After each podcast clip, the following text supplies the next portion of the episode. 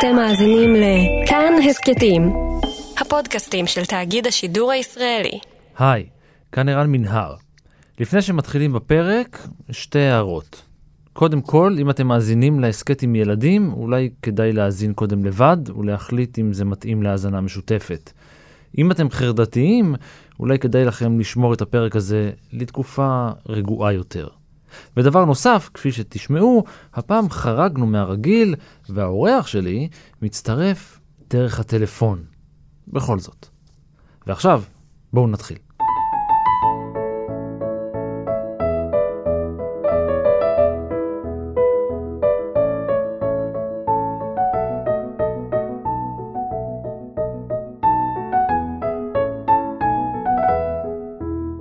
בשנת 1869 נולדה באירלנד מרי מלון. היא לא התכוונה להרוג אף אחד, אבל ככה יצא לה. כשהייתה בת 15, היגרה לארצות הברית, עד הגיל הזה היא לא הרגה אף אחד, ושם היא חיה עם דודה ודודתה.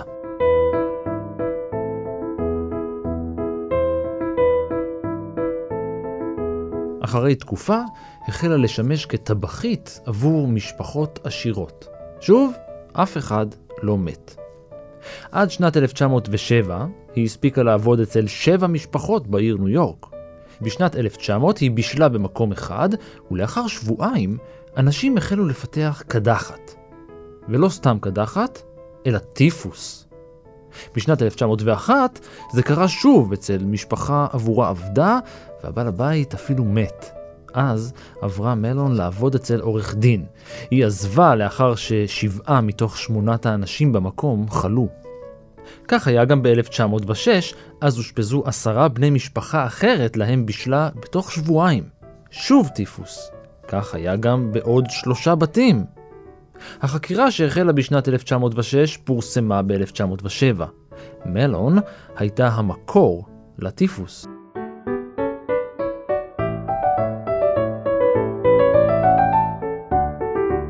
בסך הכל היא הדביקה 51 בני אדם, שלושה מתו. מלון, נשאית בלבד של הגורם למחלה, הוכנסה לבידוד, בכפייה, פעמיים. הפעם השנייה הייתה כמה שנים לאחר ששוחררה, אחרי שגרמה להתפרצות של טיפוס בבית חולים.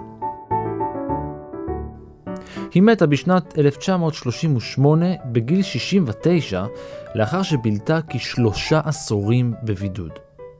בשש השנים האחרונות היא הייתה משותקת עקב שבץ, סיבת מותה דלקת ריאות.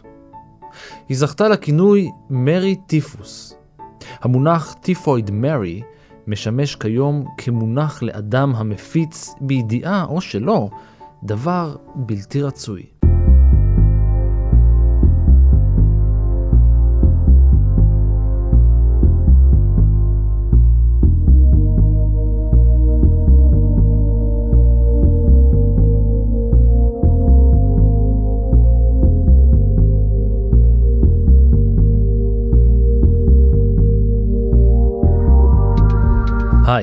אני רן מנהר ואתם על מנהר הזמן. מדי פרק אנחנו מספרים לכם על מקרה שקרה בעבר מזווית שכנראה עוד לא הכרתם. והפעם, בידוד. פרק מיוחד לימי הקורונה, עם כמה מהמגפות הקטלניות בהיסטוריה, עם דגש על הקטלנית מכולן, השחפת.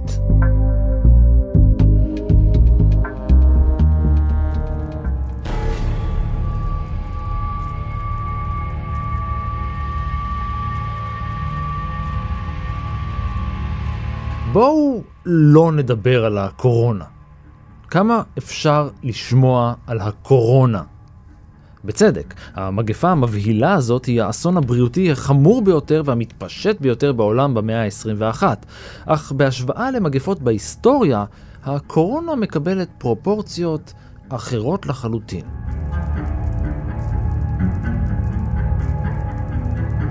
היו הרבה התפרצויות של מגפות לאורך ההיסטוריה האנושית. למשל, התפרצות הדבר באירופה של המאה ה-14, מגפה היסטורית שזכתה לכינוי המוות השחור. זו הייתה מגפה שחיסלה בין שליש לחצי מאוכלוסיית אירופה, היא שינתה את הסדר החברתי ביבשת המתקדמת בעולם, הציתה דתות ושינתה סדרי עולם. ממש.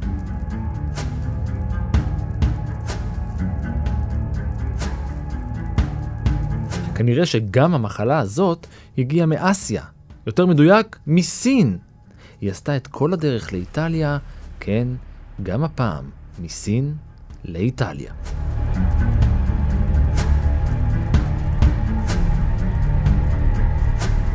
החיידקים והווירוסים הם אה, הולכים עם בני אדם. אה, תנועה של בני אדם אה, גוררת איתה תנועה של עוד בני לוויה קטנים. זהו דוקטור עמי נויברגר, רופא מומחה למחלות זיהומיות. והרבה שנים זו הייתה דרך המסחר הראשית בין, בין המזרח לבין המערב. סין, דרך המשי, נמלי איטליה.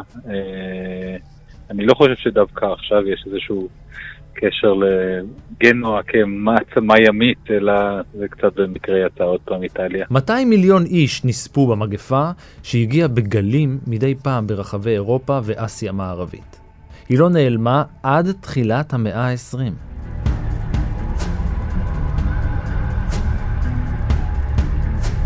זה דבר, זה מחלה שעוברת מחיידק, ואת החיידק הזה אתה אה, רוכש כשעוקץ אותך פרעוש שהחיידק חי בתוכו.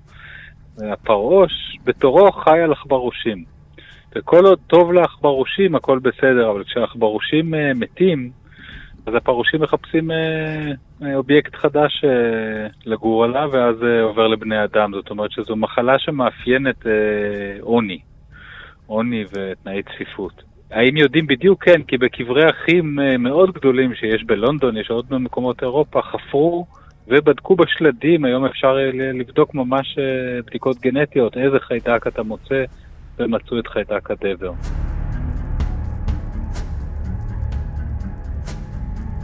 בעוד שהמגפה הזאת הייתה אחת הקטלניות בהיסטוריה, אחד הגורמים העיקריים למוות ממגפות בקרב בני אדם היא מחלה הרבה יותר נפוצה. שפעת.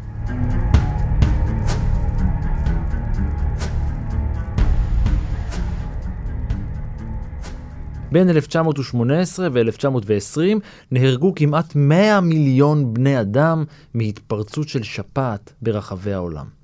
השפעת הספרדית, כפי שהיא נקראה, הייתה וירוס אלים וחסר חיסון שהפיל את הנדבקים בו במיליונים. היא החלה, ככל הנראה, בבית חולים צבאי בצרפת בשלהי מלחמת העולם הראשונה. כמעט 100 אלף איש, פצועים וחולים, עברו בשעריו של בית חולים השדה הזה מדי יום. כיוון שאוכלס בצפיפות, היה צריך להאכיל ולכלכל את כל האנשים והצוות, ולכן גידלו במקום גם חזירים ועופות. ואני לא צריך לתאר לכם את תנאי הסניטציה לפני 100 שנה. כנראה שהווירוס עבר מוטציה והתגלגל מהעופות אל הבהמות, ואחרי עוד סיבוב הגיע גם אל בני האדם. תיאוריה אחרת, אגב, מספרת שהווירוס הגיע גם הוא מהמזרח, יותר מדויק, מסין. אבל זו רק תיאוריה.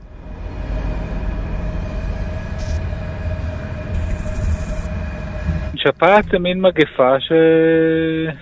מגיעה בגלים. כל שנה יש לנו גל חדש, אנחנו לא, בניגוד להרבה מחלות זיהומיות, אנחנו לא מחוסנים לכל החיים, אה, גם אם אנחנו חולים בזה.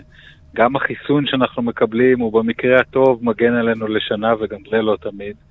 ככה שזו מגפה שמלווה אותנו כל שנה בעצם, אבל היא בממדים קטנים. מה גרם לשפעת הספרדית להיות פתאום כל כך נוראית, אף אחד לא באמת יודע. אבל הווירוס של השפעת כל הזמן עובר אה, שינויים.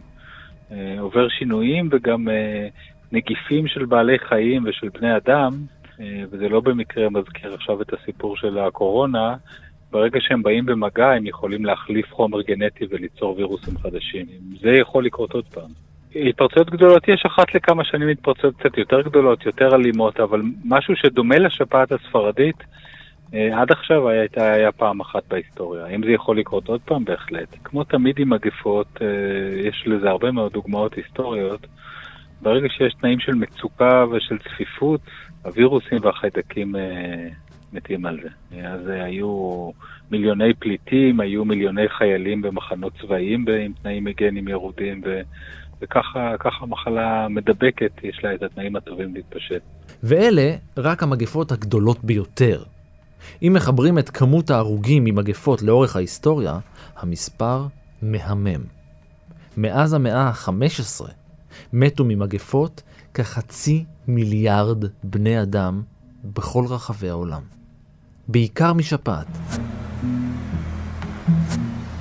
הרבה מגפות, הרבה הרוגים, אבל אף אחת מההתפרצויות הגדולות האלה לא קרובה להשתוות למגפה הגדולה מכולם, המגפה הלבנה, האדירה, מגפת השחפת.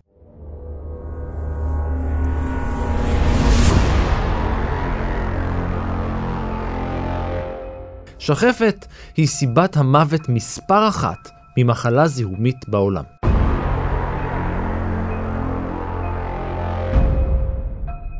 אנחנו, בני אדם, סוחבים איתנו את המחלה הזאת כבר מהעת העתיקה ועד היום.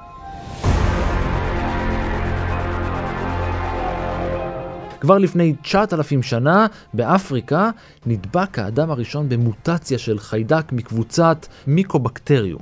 תכף נדבר על החיידקים האלה.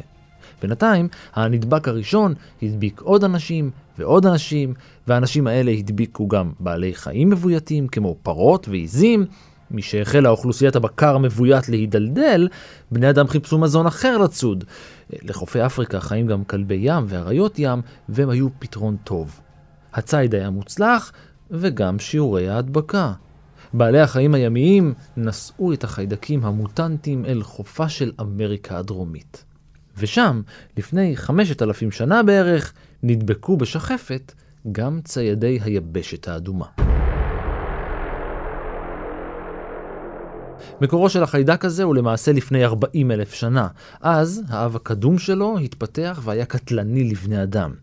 לפני 40 אלף שנה, בני אדם התיישבו מחוץ לאפריקה. אפשר אה, לפי שיטות פילוגנטיות אה, לזהות אה, מתי התפצלו סוגי חיידקים אחד מהשני. זאת אומרת, שני חיידקים שכיום גורמים למחלה שונה לגמרי, אפשר לחשב בעצם לפי קצב השינויים הגנטיים בגנום שלהם, מה, מהו האב המשותף שלו, האם הוא היה אב משותף שחי לפני עשרת אלפים שנה או חמש מאות אלף שנה.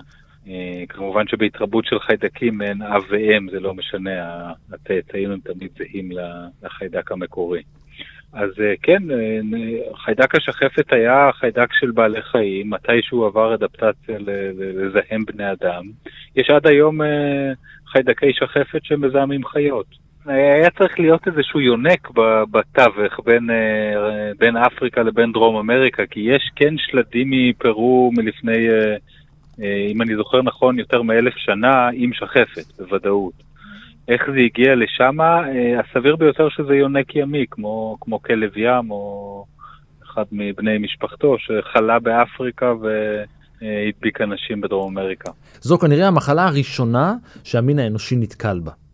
העדות המוקדמת ביותר לשחפת בבני אדם מגיעה מלפני 9,000 שנה, מכמה בני אדם שחיו באזור שהוא היום עתלית, כאן בישראל. זה לא עדויות, זה שוב את החיידק עצמו, זה לא איזה משהו עקיף, זה בטוח זה. גם אצל השכנים מדרום, מממלכת מצרים העתיקה, הכתה המחלה, ומומיות מלפני חמשת אלפים שנה מכילות עדויות למוות משחפת. ככל הנראה, גם הפרעה אחנתון ואשתו נפרטיטי הלכו לעולמם מהמחלה. אני חושב שהם עשו הרבה דברים שהם חשבו שמטפלים בשחפת, אבל אני לך תדע, אני לא יודע מה הם נתנו, אולי משהו מבין מה שהם נתנו אה, עזר. אתה יודע שהיום מלאריה, שזו מחלה שהורגת עדיין מאות אלפי אנשים באפריקה, הטיפול שעוזר לחולי מלאריה, שזו מחלה נוראית, מחלה קשה, הוא אה, נגזרת של עשב סיני שנלקח מהרפואה המסורתית הסינית. פשוט הסינים באופן סיסטמטי בדקו את כל העשבים שהשתמשו בהם להורדת חום ומצאו שאחד מהם עובד. זה ניצח את כל התרופות המערביות. אז אה, אולי למצרים גם היה איזשהו עשב דלה לשחפת, אני לא יודע. תכף נדבר על הצורה בה מטפלים או מתמודדים עם שחפת, אבל נראה שהמצרים הקדמונים ניסו לטפל בחולים שלהם. הם הקימו בתי חולים מיוחדים לטיפול בחולים לפני 3,500 שנה, והמליצו לטפל בהם באמצעות התערבות כירורגית ושימוש בתערובת של צמחים, פירות, דם מן החי, דם של חרקים, דבש ומלח. באותה תקופה, בהודו, המליצו להתמודד עם המחלה הקשה באמצעות חלב אם, בשרים שונים, אלכוהול ומנוחה. המחלה המשיכה ותקפה את המין האנושי בתקופה היוונית הקלאסית, את הילידים באמריקה, את אירופה בימי הביניים וברנסאנס, והיא לא הרפתה גם במאות ה-17, ה-18 וה-19, גם לא כשהתמורות והחידושים ברפואה התפתחו במהירות. השחפת עדיין כאן.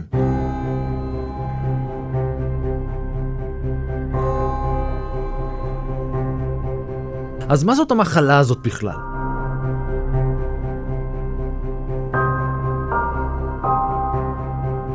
הגורם העיקרי לשחפת הוא חיידק קטן בשם מיקובקטריום. הוא משכפל את עצמו כל 20 שעות בערך, וזה ממש לאט. מאוד לאט, מאוד לאט יחסית לחיידק, ולכן גם המחלה יש לה, לכל מחלה יש אה, מוזיקה. אה, ב... לאוזניים של רופאי זיהומים זה נשמע בסדר, לאוזניים של האדם ששומע אותי זה בטח נשמע קצת חולני. אבל יש אה, חיידקים שזה קרשנדו, זה מיד מתחיל בסערה גדולה, בן אדם קם בבוקר ובערב הוא כבר בטיפול נמרץ ובספיקה ו... וכולי. שחפת זה לא ככה, בן אדם מתחיל להיות חולה ובדרך כלל הוא פעם ראשונה פונה לרופא אחרי כמה חודשים, כי הוא בהתחלה, בגלל קצב ההתרבות האיטי מאוד של החיידק, אה, זה יכול לקחת הרבה חודשים עד שבן אדם מרגיש מאוד רע. יותר מזה, בן אדם יכול להידבק בשחפת, והחיידק יכול להישאר בגופו במין מצב חצי חי וחצי רדום במשך עשרות רבות של שנים. ואז פתאום להתעורר בבן אדם נדבק בגיל 20 ובגיל 70, כשמערכת החיסון שלו נחלשת מאיזושהי סיבה, פתאום מתעורר החיידק השחפת שהוא נדבק בו עוד ברומניה כשהוא היה ילד קטן. נגיפים זה משהו אחר לגמרי. נגיפים זה דבר מוזר, ועל חיידק אתה יכול לחשוב בתור אה, חיידק. הוא זה תא שאוכל, שפולט אה, חומרים שהוא לא צריך, ומתי שהוא פשוט מתרבה בהכפלה, הוא מתחלק לשניים. זה עוד משהו שבאינטואיציה אנחנו יכולים להבין כחיה. וירוס הוא... זה גוש של חומר שמתעופף או זורם או אה, זז ממקום למקום בלי יכולת הנאה ממש משלו, אה, והוא, הדבר היחיד שהוא יודע לעשות זה במקרה להיכנס לתא שיכול להיות תא של בן אדם, של חיה אחרת, של, של חיידק גם כן, ולנצל את הכלי ייצור של התא כדי לייצר עוד ועוד וירוסים חדשים. זה הדבר היחיד שהוא עושה.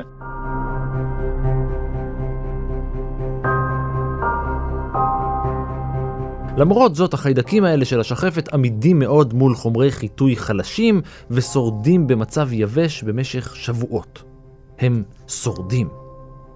ישנם עוד שבעה חיידקים אחרים שעלולים לגרום למחלה להופיע, אבל הם פחות שכיחים.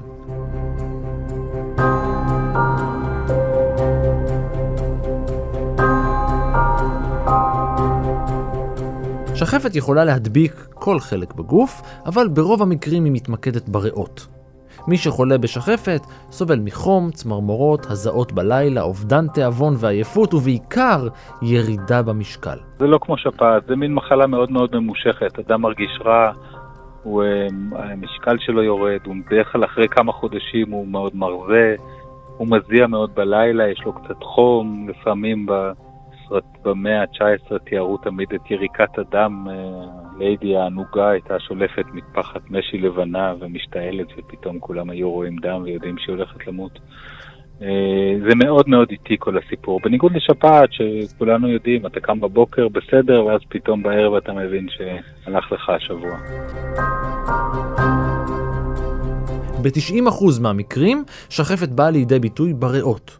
לפעמים היא הופכת למחלה הכרונית עם דלקת ריאות, שיעול מלווה בדם, אבל בשאר המקרים הזיהום החיידקי מתפשט אל מחוץ לריאות וגורם לסיבוכים וסוגי שחפת שונים. היא יכולה לפגוע במערכת העצבים המרכזית, במערכת הלימפה, במערכת העיכול, גם בעצמות ובמפרקים. לכל רופא יש איזה כאב לב גדול על חולה שהוא לא יבחן בזמן, אצלי זה מישהו שהגיע עם דלקת קרום המוח לפני הרבה שנים כבר לבית חולים רמב"ם, ו...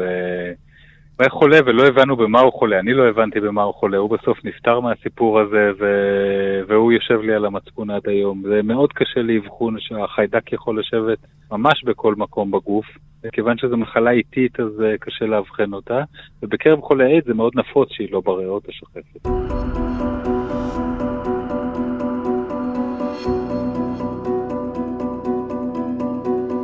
נראה שהחולים בשחפת הולכים ומרזים, כאילו משהו אוכל אותם מבפנים. לכן העניקו תרבויות העולם השונות שמות דומים למחלה. פתיסיס ביוונית, קונסמפטיונה בלטינית, צ'אקי אונקאי בשפת האינקה, יקסמה בהודית, כל השמות הללו מתארים את השפעתה של המחלה על הגוף. רזון קיצוני, נראה שהגוף נאכל ונעלם, consumption באנגלית. בעברית אנחנו קוראים לה שחפת.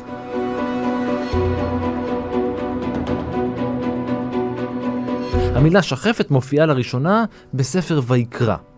אף אני אעשה זאת לכם, והפקדתי עליכם בהלה את השחפת ואת הקדחת, מחלות עיניים ומדיבות נפש, וזרעתם לריק זרעכם, ואכלוהו אויביכם.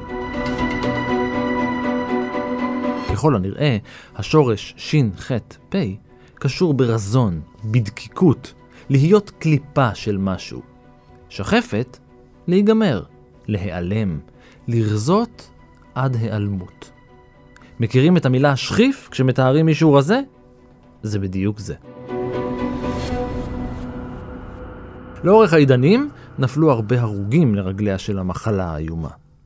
אף חיסון לא נראה באופק, והסטיגמה ממנה סבלו החולים והמחלה עצמה, מנעו את עולם המחקר מלהתקדם בקצב מהיר יותר. קודם כל, אה, יש חיסון עכשיו, הוא פשוט לא כל כך יעיל, אבל הוא, זה, זה ממש של השנה האחרונה, יש חיסון שהוא מפחית את שיעור השחפת ב-50%, זה רחוק מלהיות טוב כמו חיסונים אחרים, נגיד חיסון לחצבת שהוא מונע כמעט ב-100%, אבל uh, יש משהו ככה שמתבשל באופק. Uh, והשחפת שכמעט נעלמה בעצם חזרה אלינו בגלל האיידס uh, בשנות ה-90 ותחילת שנות ה-2000, עכשיו זה שוב בירידה. אם כי יש בכל בית חולים גדול בארץ, as we speak, יש חולי שחפת. זה, לא, זה לא נעלם לשום מקום. איך טיפלו? Uh, פעם לא ידעו, עשו שטויות, uh, כל מיני, הקיזו דם. Uh, ברגע שהבינו שזו מחלה מדבקת, שזה במאה ה-19, עדיין לא ידעו איך לטפל, אבל כן ידעו שכדאי להרחיק את החולים מאנשים בריאים, ואז בנו בעצם סנטוריומים בכל רחבי אירופה שהיו קשורים ל... זאת אומרת, למקומות יפים, לאנשים העשירים כמובן. עם נוף יפה ואוכל טוב ואוויר צח, וחלק מהאנשים החלימו, זה לא מחלה שתמיד מתים ממנה. היו גם ניסיונות לטפל בצורה כירורגית, היו עושים כל מיני ניתוחים כדי בעצם להכניס אה, אוויר מסביב לריאה, החיידק השחפת אוהב תנאים דווקא של חוסר אוויר, ככה שהוא, זה, זה כנראה עזר, אבל ממש טיפול לשחפת טוב יש משנות החמישים של המאה הקודמת.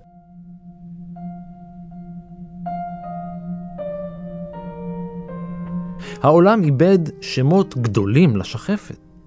המשורר צ'ארלס בוקובסקי, המחזאי אנטון צ'כוב, הסופר פרנץ קפקא, מולייר, ג'ורג' אורוול, ז'אן ז'אק רוסו, רוברט לואי סטיבנסון, וולטר, וולט ויטמן, ויויאן לי, מודיליאני, ניקולו פגניני, סטרווינסקי, סימון בוליבר, נשיאי ארצות הברית, ג'יימס מונרו ואנדרו ג'קסון, נלסון מנדלה שנדבק בשבטו בכלא, נפוליאון השני, אלינור רוזוולט, וגם הרבי נחמן מברסלב ורחל המשוררת.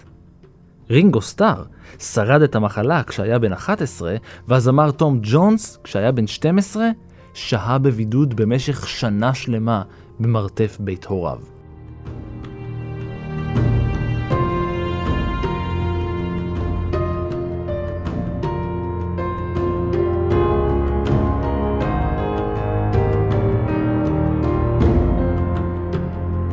כמעט 9,000 שנה אחרי שנפגש איתה לראשונה, המין האנושי החל לעשות מאמצים משמעותיים יותר למציאת חיסון לשחפת.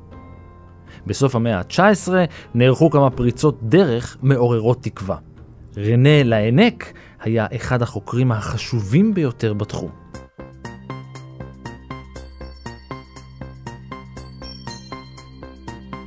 אולי אתם מכירים את השם ממקום אחר, הוא היה זה שהמציא את הסטטוסקופ, והוא המציא אותו כדי לבדוק את החולים שלו ולהקשיב לפעילות הריאות שלהם. הוא רצה להצליב בין התסמינים למה שקורה בתוך הריאות. הוא חקר ובדק וריכז את הנתונים בעבודה מדעית חשובה מאוד, והוא סלל את הדרך להבנה בפעם הראשונה בשנת 1869, כי המחלה מדבקת.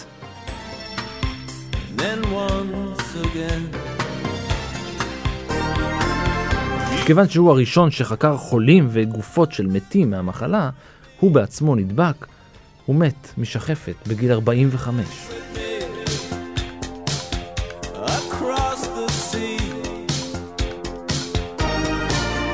ואז, ב-24 במרץ 1882, הגיע רוברט קוך.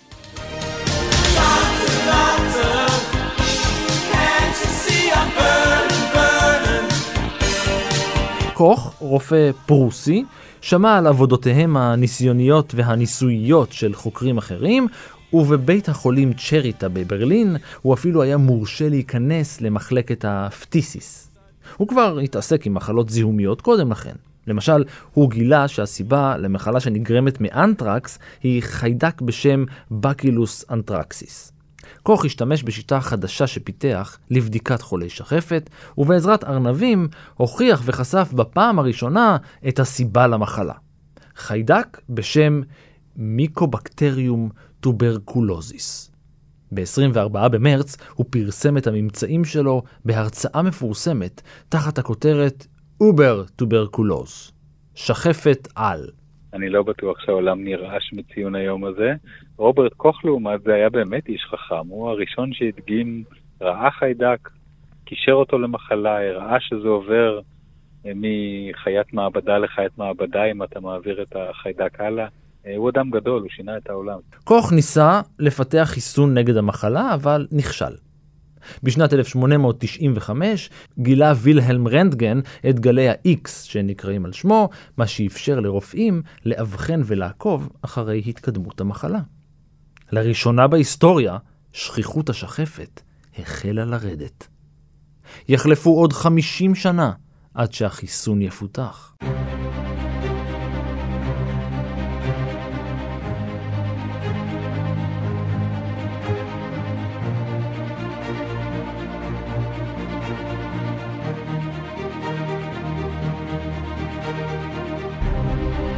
בהיעדר חיסון, האנושות המתקדמת פנתה למאמצי הכלה של המחלה. על מנת לטפל בחולים ולמנוע הדבקה מסיבית של האוכלוסייה, היה צריך קודם כל להקים מוסדות מיוחדים לחולים. לקראת סוף 1842 ניסו בארצות הברית צעד של בידוד וטיפול. 15 חולי שחפת הוכנסו למערה, בתקווה לטפל בשחפת באמצעות אוויר נקי. זה לא ממש עזר. אחרי כמה חודשים, שניים מהחולים הלכו לעולמם, והשאר פשוט עזבו. כולם מתו.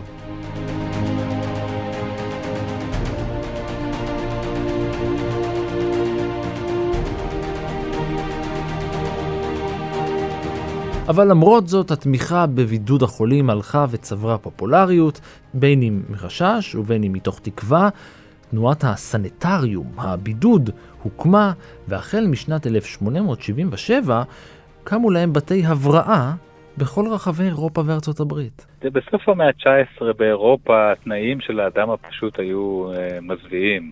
והם uh, מתו באחוזים מאוד גבוהים משחפת. זה היה גורם המוות הרבה יותר גדול מכל דבר אחר, uh, שזה לא נתפס, אבל זה, זה לא היסטוריה כל כך רחוקה.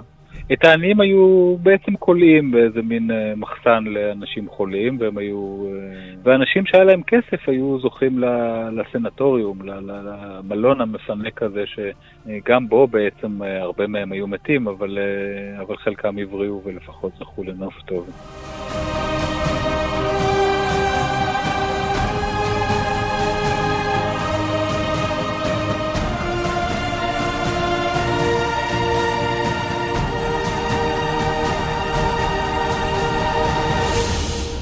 יכול להיות שמאמצי ההכלה נשאו פרי, כי אולי זו הסיבה שאנחנו לא זוכרים את השחפת כמגפה כלל עולמית שהתפרצה בבום גדול. קודם כל, מהרגע שאתה מבין איך מחלה היא מדבקת, ואיך היא עוברת, אתה רק על ידי אקט מניעתי, אתה מונע את ההכלה, כמו שאמרת. דבר שני, כיוון שהמחלה היא מאוד איטית, היא לא מטילה אימה כמו המחלות הנגיפיות, כמו שאנחנו עם הקורונה עכשיו, ומחלות אחרות שאנשים חולים ומתים מהר יחסית, וההשפעה הפסיכולוגית של זה הרבה יותר גדולה. היום יש תרופות, יש המון תרופות, כל חולה. כמעט כל חולה שחפת היום במערב, אם הוא מגיע בזמן הוא נרפא. זה בעיקר תלוי אם הוא מסכים לקחת את התרופות ו... ואם הוא אכן עושה את זה. יש מעט אנשים עם שחפת עמידה לטיפול, אבל גם לאלה אנחנו בדרך כלל מצליחים למצוא כמה תרופות ש... שבסופו של דבר יעשו את העבודה. ו... כמובן שבאפריקה יש עדיין תמותה גדולה מאוד מזה.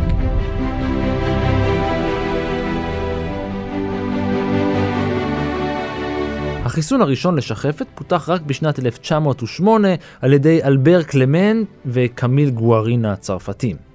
קלמט היה שותפו של לואי פסטר, וזה שהקים עבורו את מכון פסטר בסייגון. גוארין היה זה שגילה שהחיידק הגורם למחלת השחפת העצבית בבני אדם יכול לחסן בעלי חיים מבלי לגרום להם לחלות. יחד עם קלמנט הם חיפשו דרכים להחליש את החיידק העיקרי של השחפת כדי להפוך אותו לחיסון יעיל לבני אדם. בשנת 1908 הם הצליחו ופיתחו את BCG, חיסון נגד שחפת.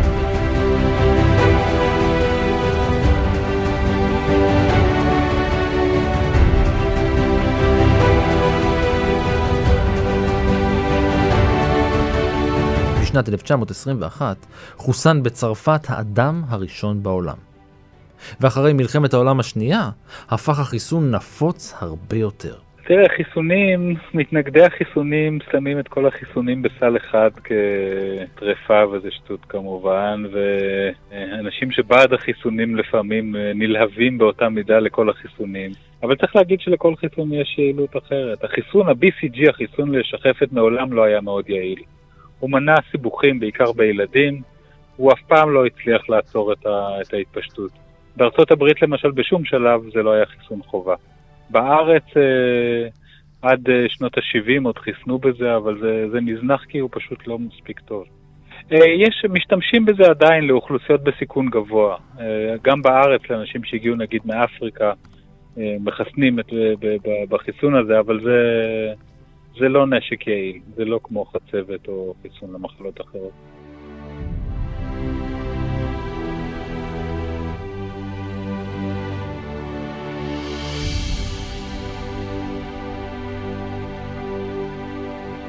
אחד מכל שבעה אנשים שאי פעם חיו מת משחפת. שביעית מהאנושות מתה משחפת. כיום רבע מאוכלוסיית העולם נגוע במחלה. מדי שנה נדבקים במחלה בערך אחוז אחד מבני האדם, רק בשנה שעברה נדבקו עשרה מיליון בני אדם, מיליון וחצי הלכו לעולמם. כל המגפות ההיסטוריות שהיו הרבה יותר גרועות מהקורונה הזאת, הן בסוף דועכות. אה, דבר שני, אחוזי התמותה האמיתיים מהדבר הזה הם, הם הרבה יותר נמוכים ממה שמצטטים ב, בעיתון, כיוון שבמדינות שיש התפרצות לא מספיקים לבדוק את האנשים שהם בקושי חולים. אה, עוד דברים מרגיעים, אה, הקוריאנים הצליחו עם מדיניות של בדיקות ובידוד, הצליחו להשתלט על זה, כנראה שגם הסינים. ככה שזה בהחלט אפשרי. וצריך להגיד שלאורך ההיסטוריה מגפות אה, מובילות לבהלה, לשנאת זרים, לאלימות לפעמים. אנחנו צריכים, אני חושב, יותר לחשוש מהדברים האלה מאשר מהווירוס עצמו.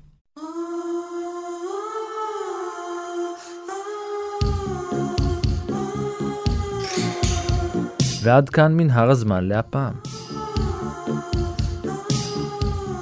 תודה לעמי נויברגר, תודה לאור מנהר שהיה בבידוד בקונטרול והיה על ההפקה, ולניר גורלי שחיטה וחיטה וחיטה וחיטה והיה על העריכה.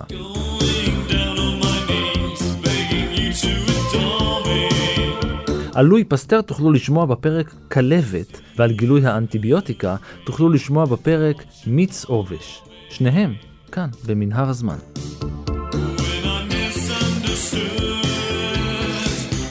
עוד סיפורים אחרים מההיסטוריה ופרקים אחרים שינעימו לכם את הזמן בבידוד ובהסגר, תוכלו למצוא כל העת באתר שלנו, באפליקציה כאן, בכל יישומון הסכתים אחר וגם בספוטיפיי. שמרו על עצמכם. ערן מנהר. נשוב וניפגש בפרק הבא.